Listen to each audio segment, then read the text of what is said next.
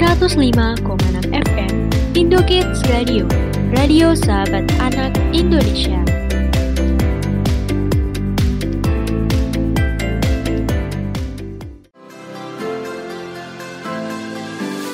Ceriakan pagimu hanya di Varia Pagi Ceria.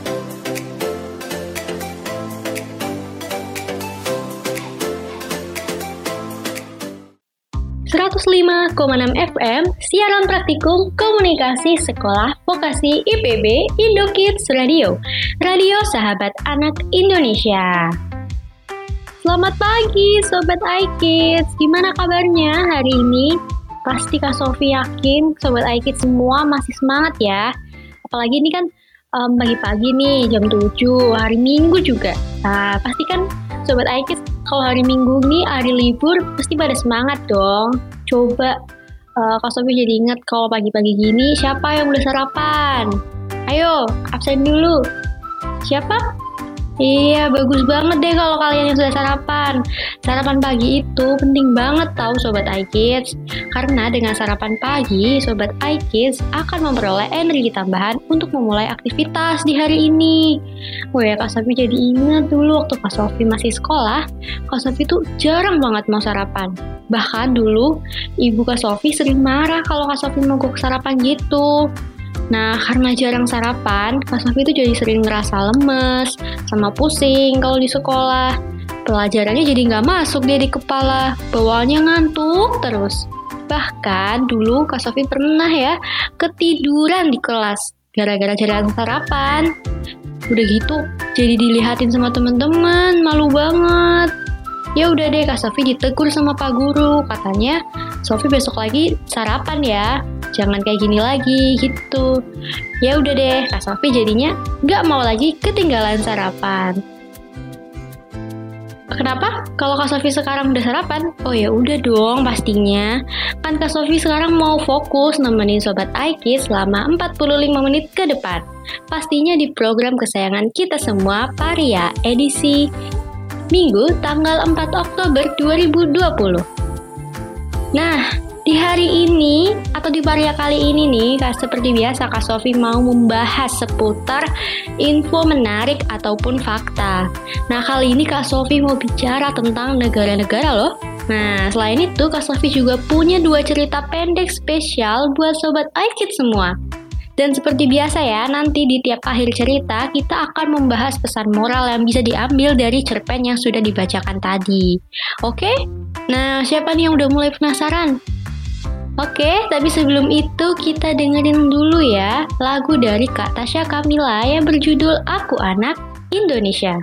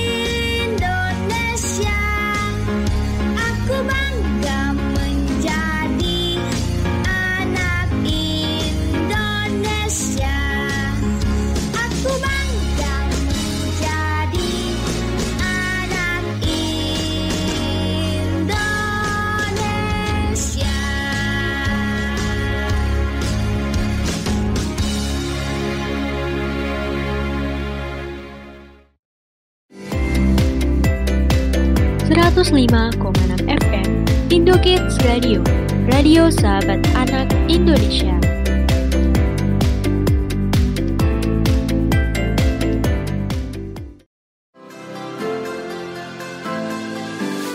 Ceriakan pagimu hanya di Varia Pagi Ceria.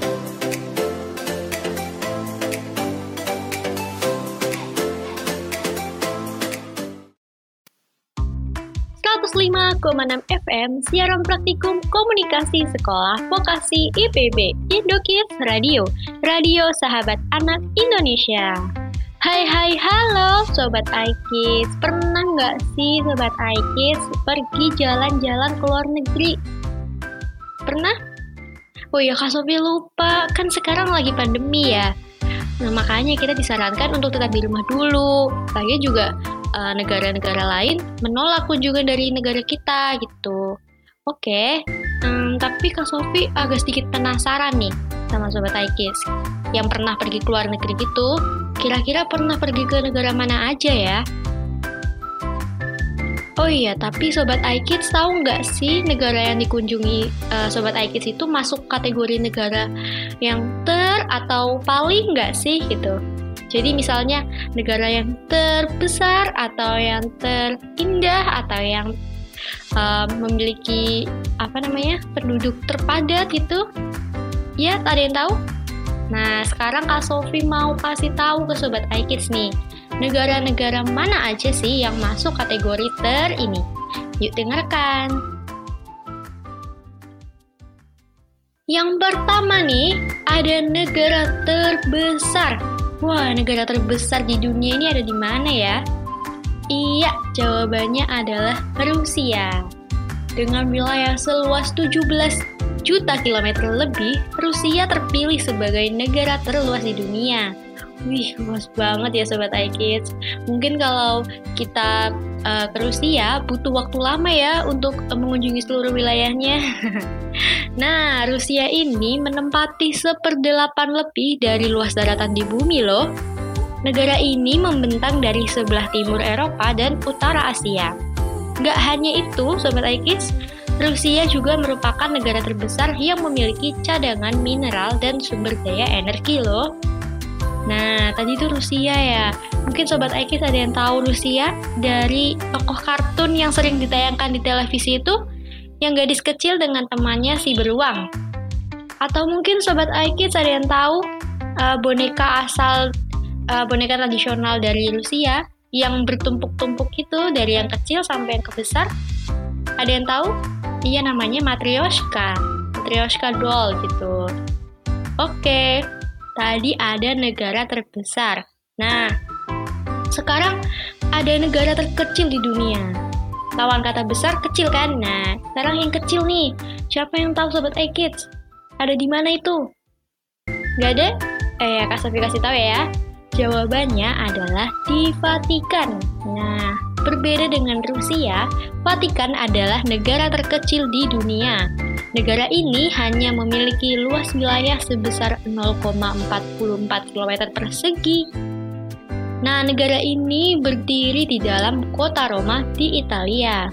Jadi uh, ada sebuah negara di dalam negara, gitu. Letaknya kecil gitu loh. Wih, bisa dibayangkan ya sobat Aikis uh, kecilnya tempat ini tadi cuma 0,44 gitu loh. Ya mungkin nggak ada setengahnya ya dari Pulau Jawa gini yang di Indonesia.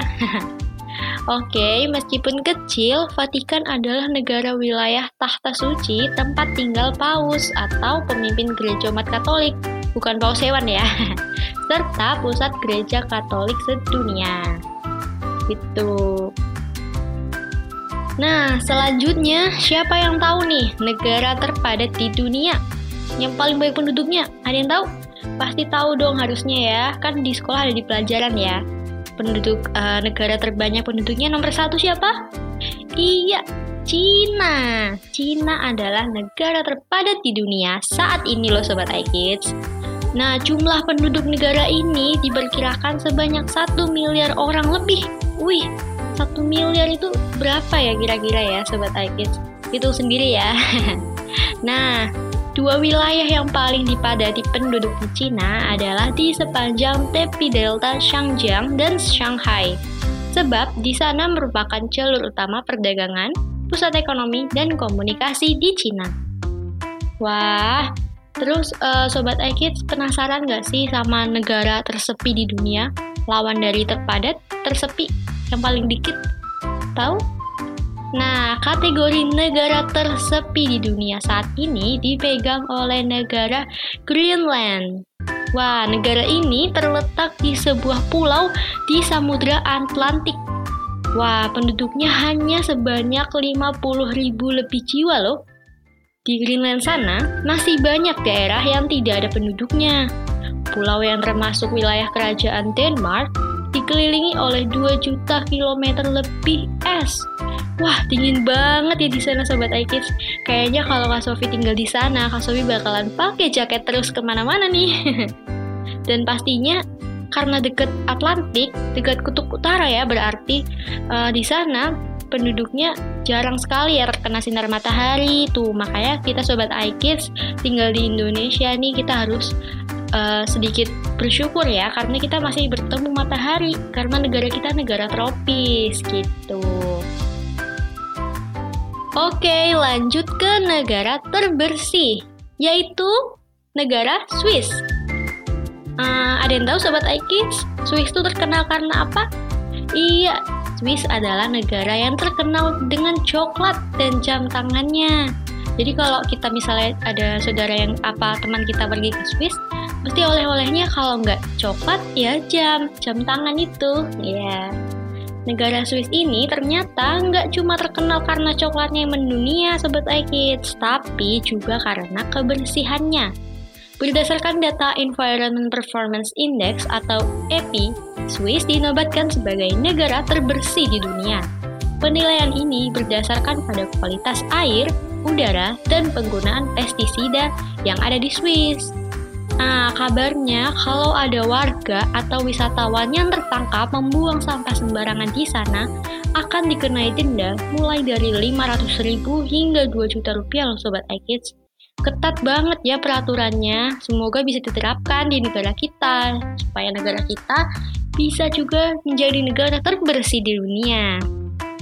Nah, tadi uh, ada negara terbersih. Lawan kata bersih apa, Sobat iKids? Iya, betul.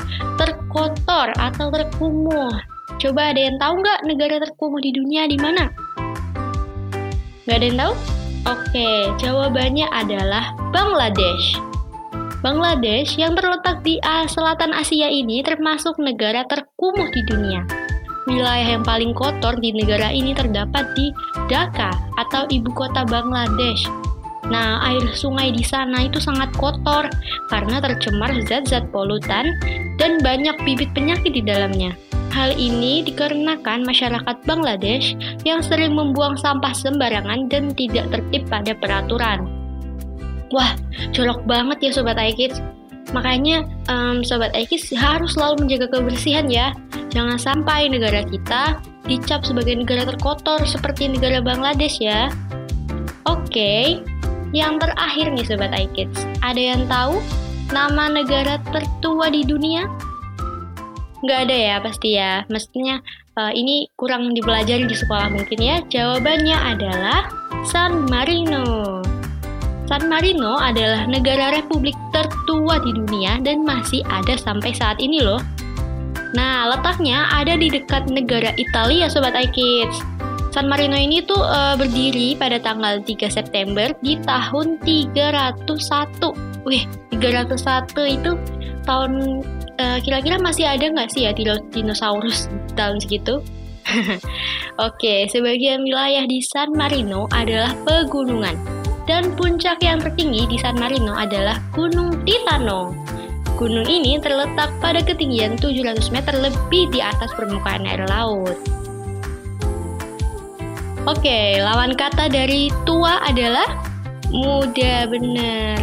Nah, lalu eh, siapa sih yang termasuk ke dalam kategori negara termuda di dunia? Jawabannya adalah negara Sudan Selatan. Negara Sudan Selatan ini adalah negara termuda di Afrika dan di dunia loh. Negara ini terbentuk pada 9 Juli tahun 2011 lalu. Awalnya, Sudan Selatan adalah bagian dari Republik Sudan.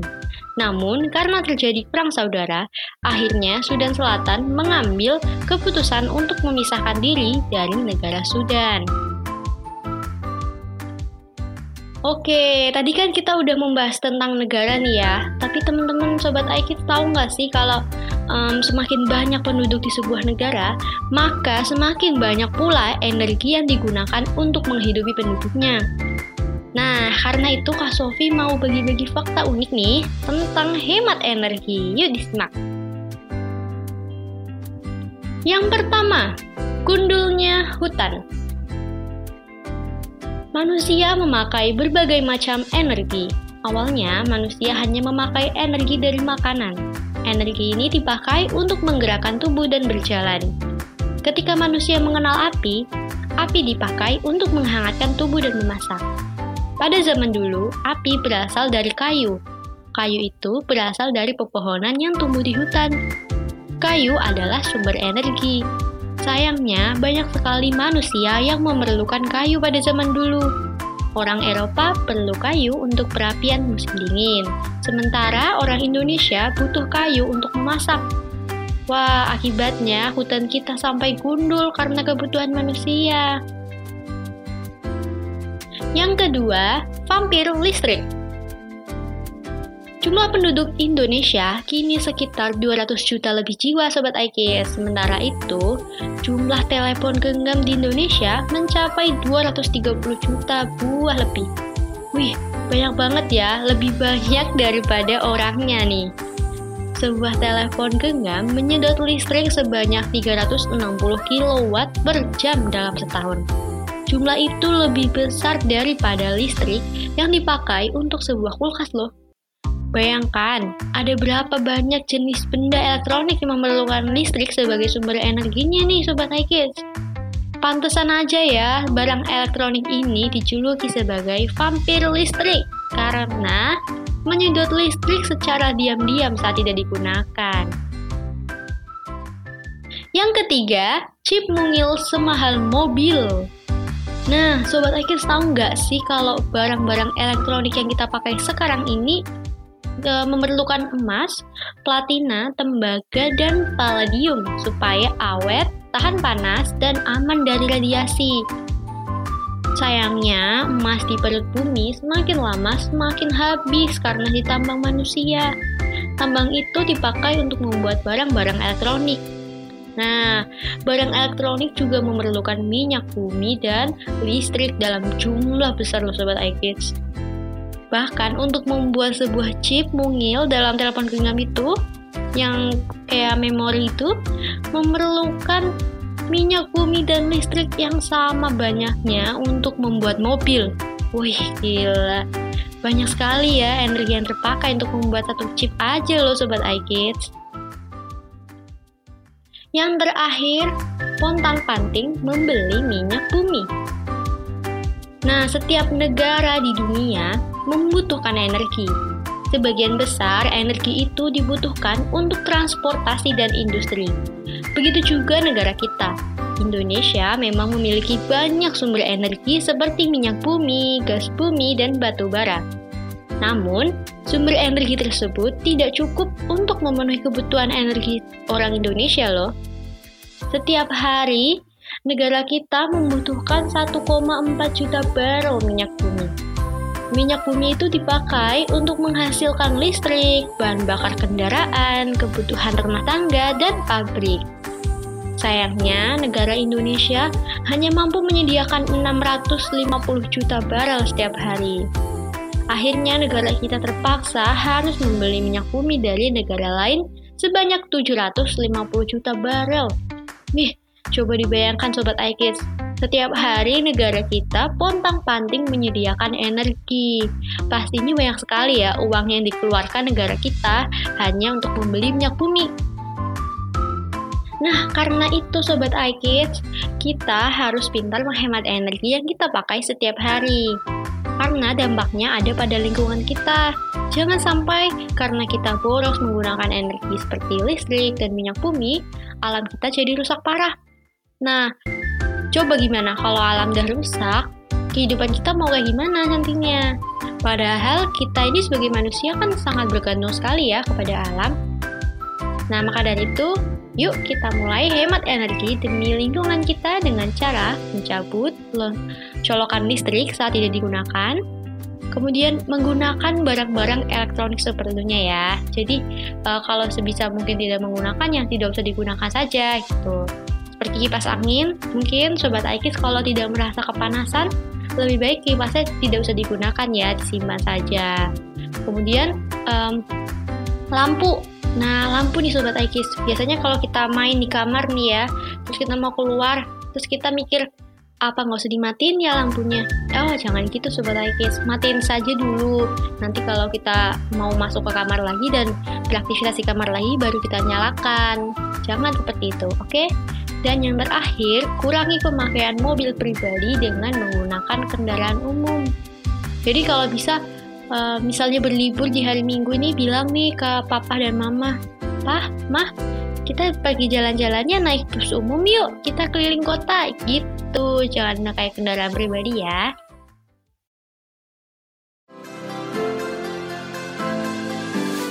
Ceriakan pagimu hanya di Varia Pagi Ceria.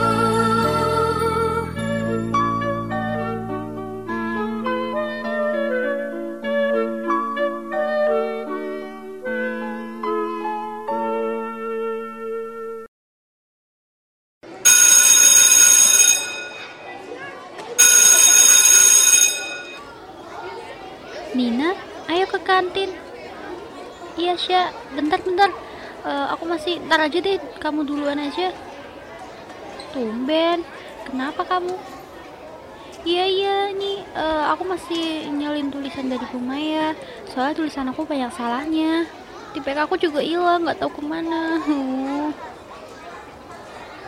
Ya ampun, makanya pakai magic pen. Hah? Magic pen? Tulisan Anda salah huruf? Kehilangan tip X Anda? Tenang, kini ada Magic Pen, pulpen ajaib yang bisa menghapus tulisan tanpa tip X. Magic Pen dilengkapi dengan tinta gel sehingga nyaman digunakan serta penghapus ajaib yang dapat membersihkan sisa tulisan Anda. Kini, Anda dapat menulis dengan tenang. Magic Pen, solusi tulisan ajaib Anda.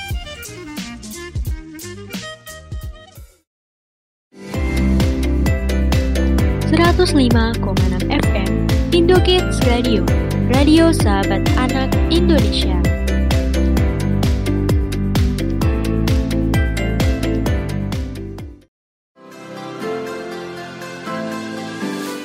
Ceriakan pagimu hanya di Varia Pagi Ceria.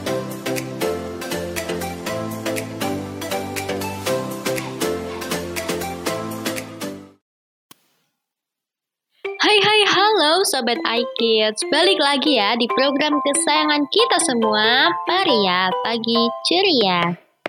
Oke Sobat iKids, siapa yang tadi udah kenal nih sama negara-negara yang paling ter di dunia? Nah, tadi kan ada uh, negara terbesar, terkecil, bahkan ada negara yang terbersih sama terkotor juga ya. Nah, kira-kira kalau negara kita masuknya ke kategori mana nih Sobat iKids? Kalau Kak Sofi sih setuju banget ya kalau Indonesia itu masuk ke negara terenak makanannya. Iya loh, negara kita kan punya rendang daging khas Minang, gudeg khas Jogja. Pokoknya tuh dari makanan berat hingga cemilan kayak jajanan pasar, Indonesia punya semuanya.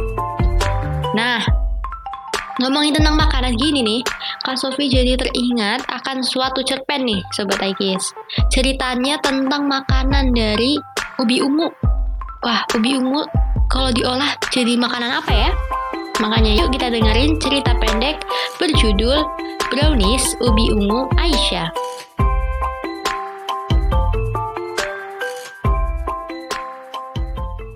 Seperti biasa, setiap pulang sekolah, Aisyah langsung menuju kantin.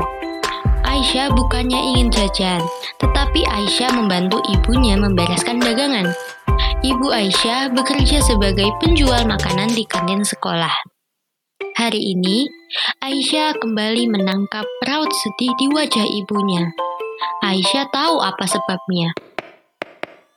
Browniesnya tidak laku lagi ya, Bu? Tanya Aisyah. Iya, Syah. Mungkin brownies ibu tidak enak, makanya tidak laku. Tidak kok, Bu. Brownies ibu enak sekali. Kata Aisyah. Aisyah bertekad untuk menyelidiki kenapa teman-temannya tak lagi membeli brownies buatan ibunya. Padahal, dulu brownies jualannya selalu habis tidak bersisa. Begitu bel istirahat berbunyi, Aisyah tidak langsung pergi ke kantin seperti biasanya. Ia hanya diam di kelas menunggu teman-temannya keluar.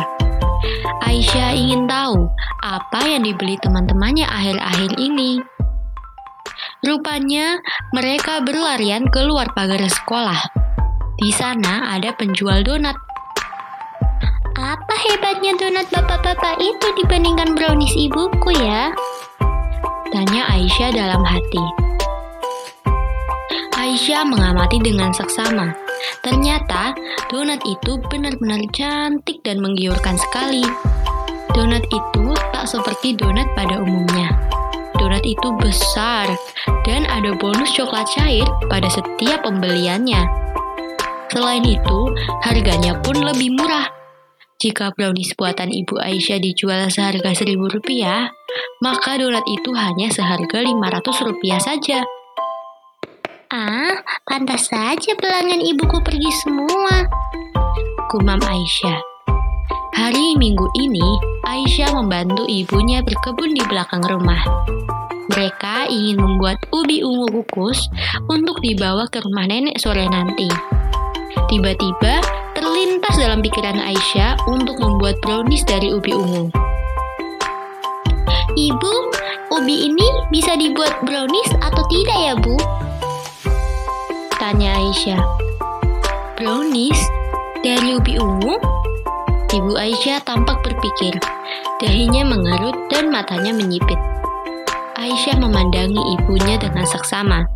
Ia menunggu jawaban ibunya. Um, ibu belum pernah coba, tapi sepertinya kita bisa loh, Syah. Nanti coba ya, kita ganti coklatnya dengan ubi ungu ini. Aisyah tersenyum mendengar jawaban ibunya. Selesai berkebun dan membersihkan diri, mereka bergegas menuju dapur untuk mencoba ide Aisyah. Ibu mengukus ubi ungu, sementara Aisyah mengocok telur, gula, dan bahan pengembang. Sambil menunggu ubi matang, ibu membantu Aisyah memasukkan tepung yang sudah diayak sebelumnya ke dalam adonan. Bu, kalau dalam membuat brownies coklat kan coklatnya dicairkan. Nah, kalau ubi ungu ini gimana mencairkannya ya? Tanya Aisyah sambil menggaruk kepalanya di gatal. Kita coba blender dengan diberi sedikit air yuk. Ibu Aisyah pun beranjak mengambil blender di lemari. Campuran ubi ungu dan air yang sudah di blender dimasukkan ke dalam adonan dan dicampur merata. Dengan cekatan, Aisyah membantu ibu menuangkan adonan ke dalam loyang yang sudah dilapisi bagian dalamnya dengan kertas roti dan margarin. Brownies pun dikukus. Aisyah tak sabar ingin mencicipi kue hasil percobaan ia dan ibunya.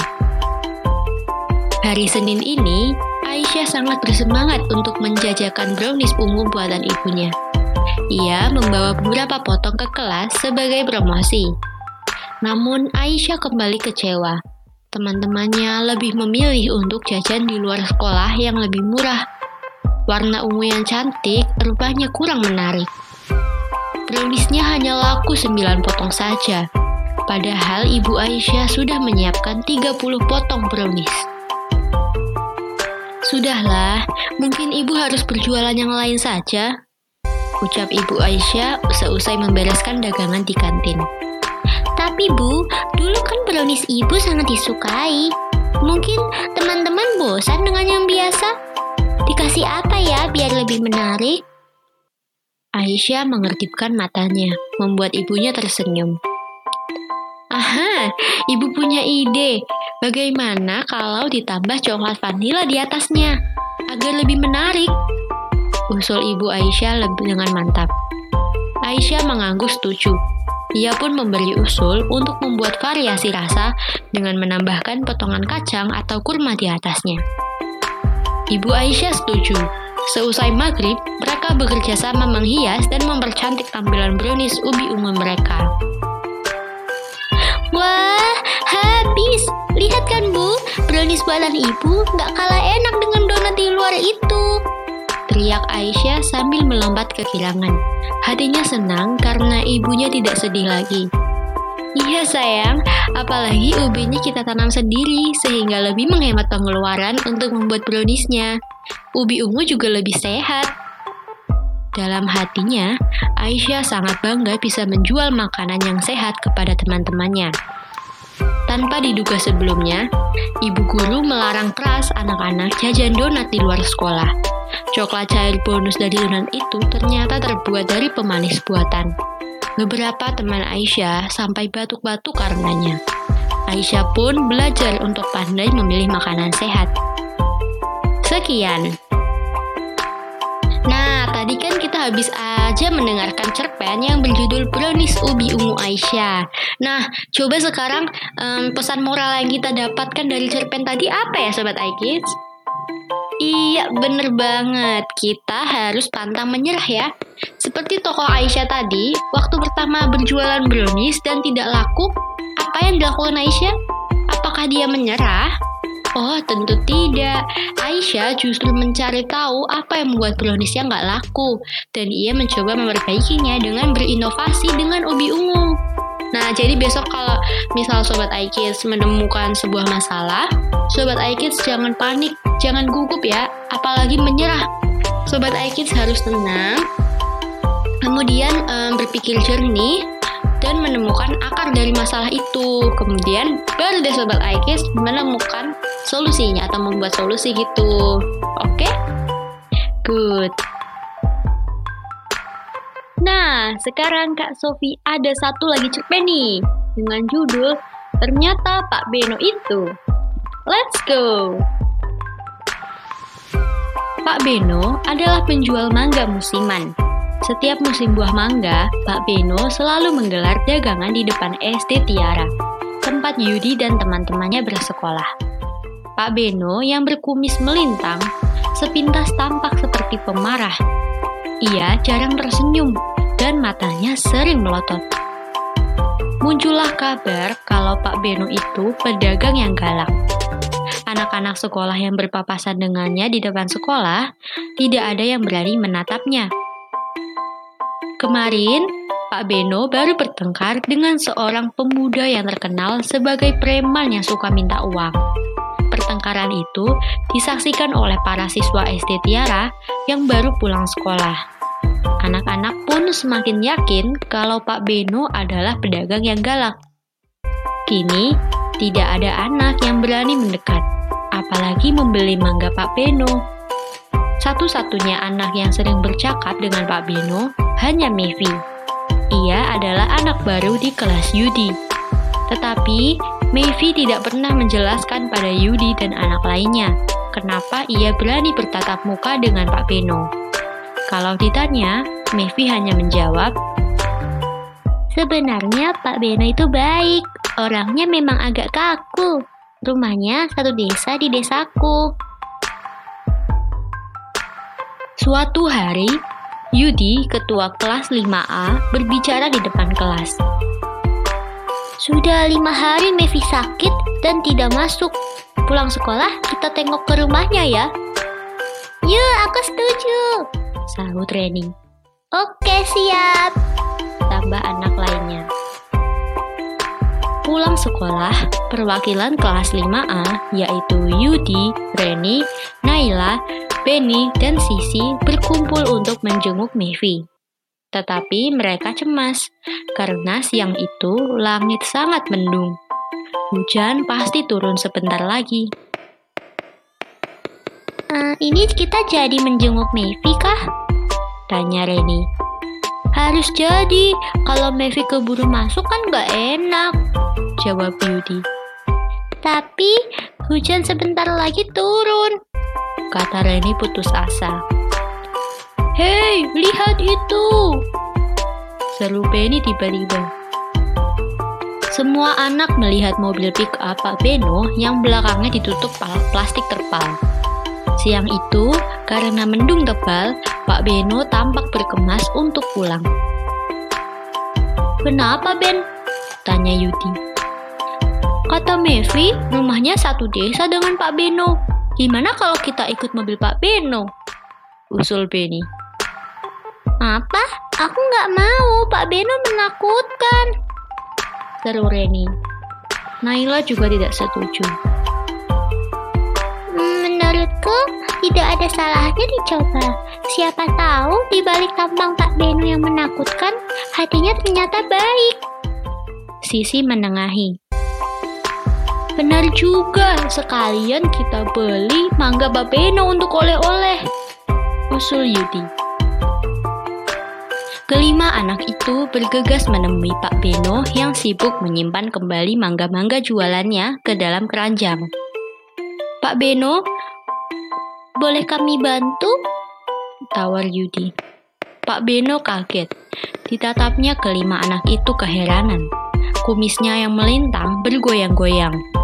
Pak Beno memelototi anak-anak satu persatu. Kelima anak itu diam dan cemas. Akhirnya, semua lega setelah Pak Beno mengangguk dan mengedipkan mata. Kelima anak itu membantu Pak Beno menyimpan semua mangga sampai selesai. Terima kasih anak-anak. Dengan cara apa Pak Beno harus membayarnya? Tanya Pak Beno ketus. Semua anak kembali diam. Benny angkat bicara. Kami mau minta tumpangan sampai ke rumah Mevi, teman kami yang sakit. Kata Mevi, rumahnya satu desa dengan Pak Beno.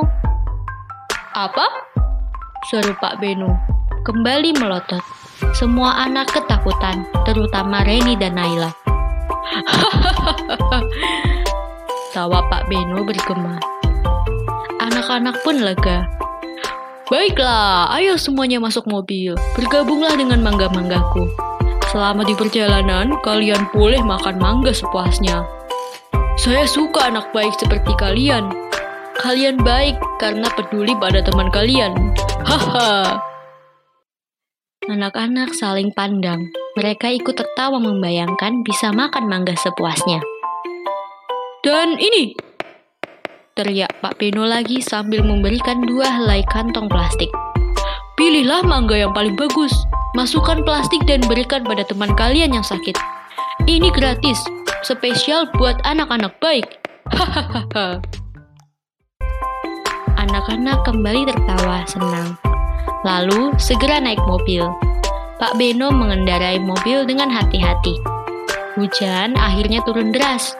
Mobil Pak Beno meluncur pelan menembus hujan. Anak-anak di dalam mobil cekikikan. Asyik bergurau sambil makan mangga. Mereka betul-betul terkejut setelah tahu Pak Beno yang kelihatannya menakutkan ternyata baik hati. Pak Beno mengerem mobilnya mendadak. Anak-anak kaget dan saling bertubrukan. Pak Beno tertawa, anak-anak tertawa. Mevi yang kebetulan duduk di serambi rumah ikut tertawa. Hari itu, Mevi berniat menceritakan satu kejutan pada teman-temannya. Pak Beno sebetulnya adalah ayah Mevi. Kalau Yudi, Reni, Naila, Benny, dan Sisi tahu, itu akan menjadi kejutan buat mereka. Mevi tersenyum membayangkan wajah teman-temannya nanti. Sekian. Nah, teman-teman sobat iKids, apa sih pesan moral yang bisa kita ambil dari cerita Pak Beno? Iya, benar sekali. Jangan menilai seseorang hanya dari penampilan. Seperti tokoh Pak Beno misalnya. Walaupun wajahnya terkesan galak dan menakutkan, ternyata beliau adalah orang yang baik hatinya karena mau menolong Yudi dan teman-temannya. Begitu Sobat iKids. Serina, Serina, tali sepatunya.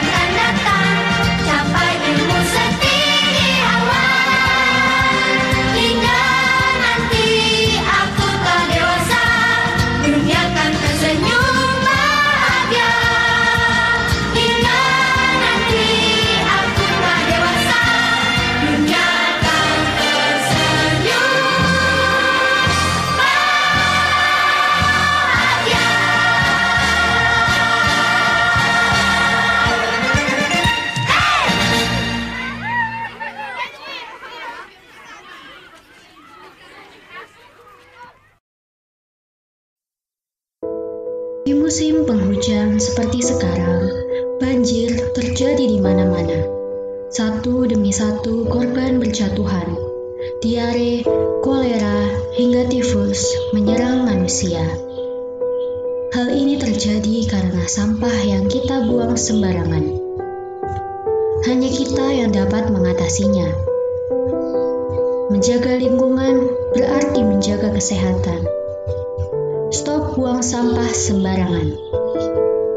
Iklan ini dipersembahkan oleh Kementerian Kesehatan Republik Indonesia dan Sekolah Vokasi Institut Pertanian Bogor.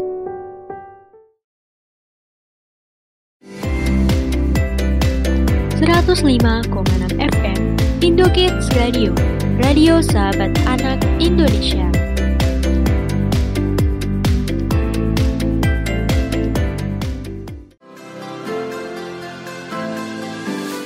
Ceriakan pagimu hanya di Varia Pagi Ceria.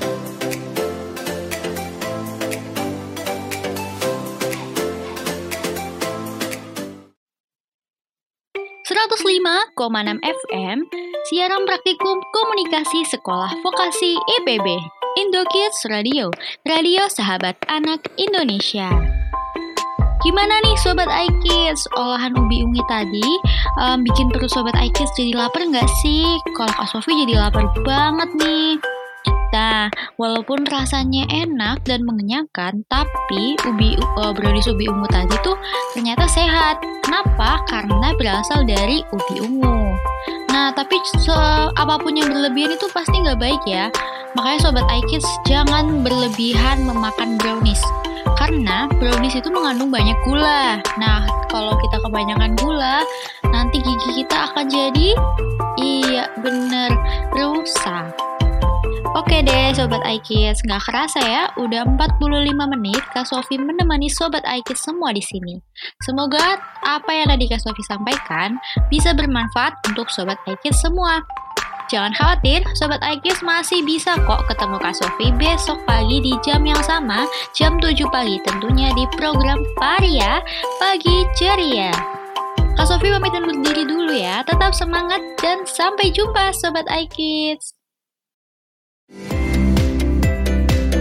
105,6 FM Indokids Radio Radio Sahabat Anak Indonesia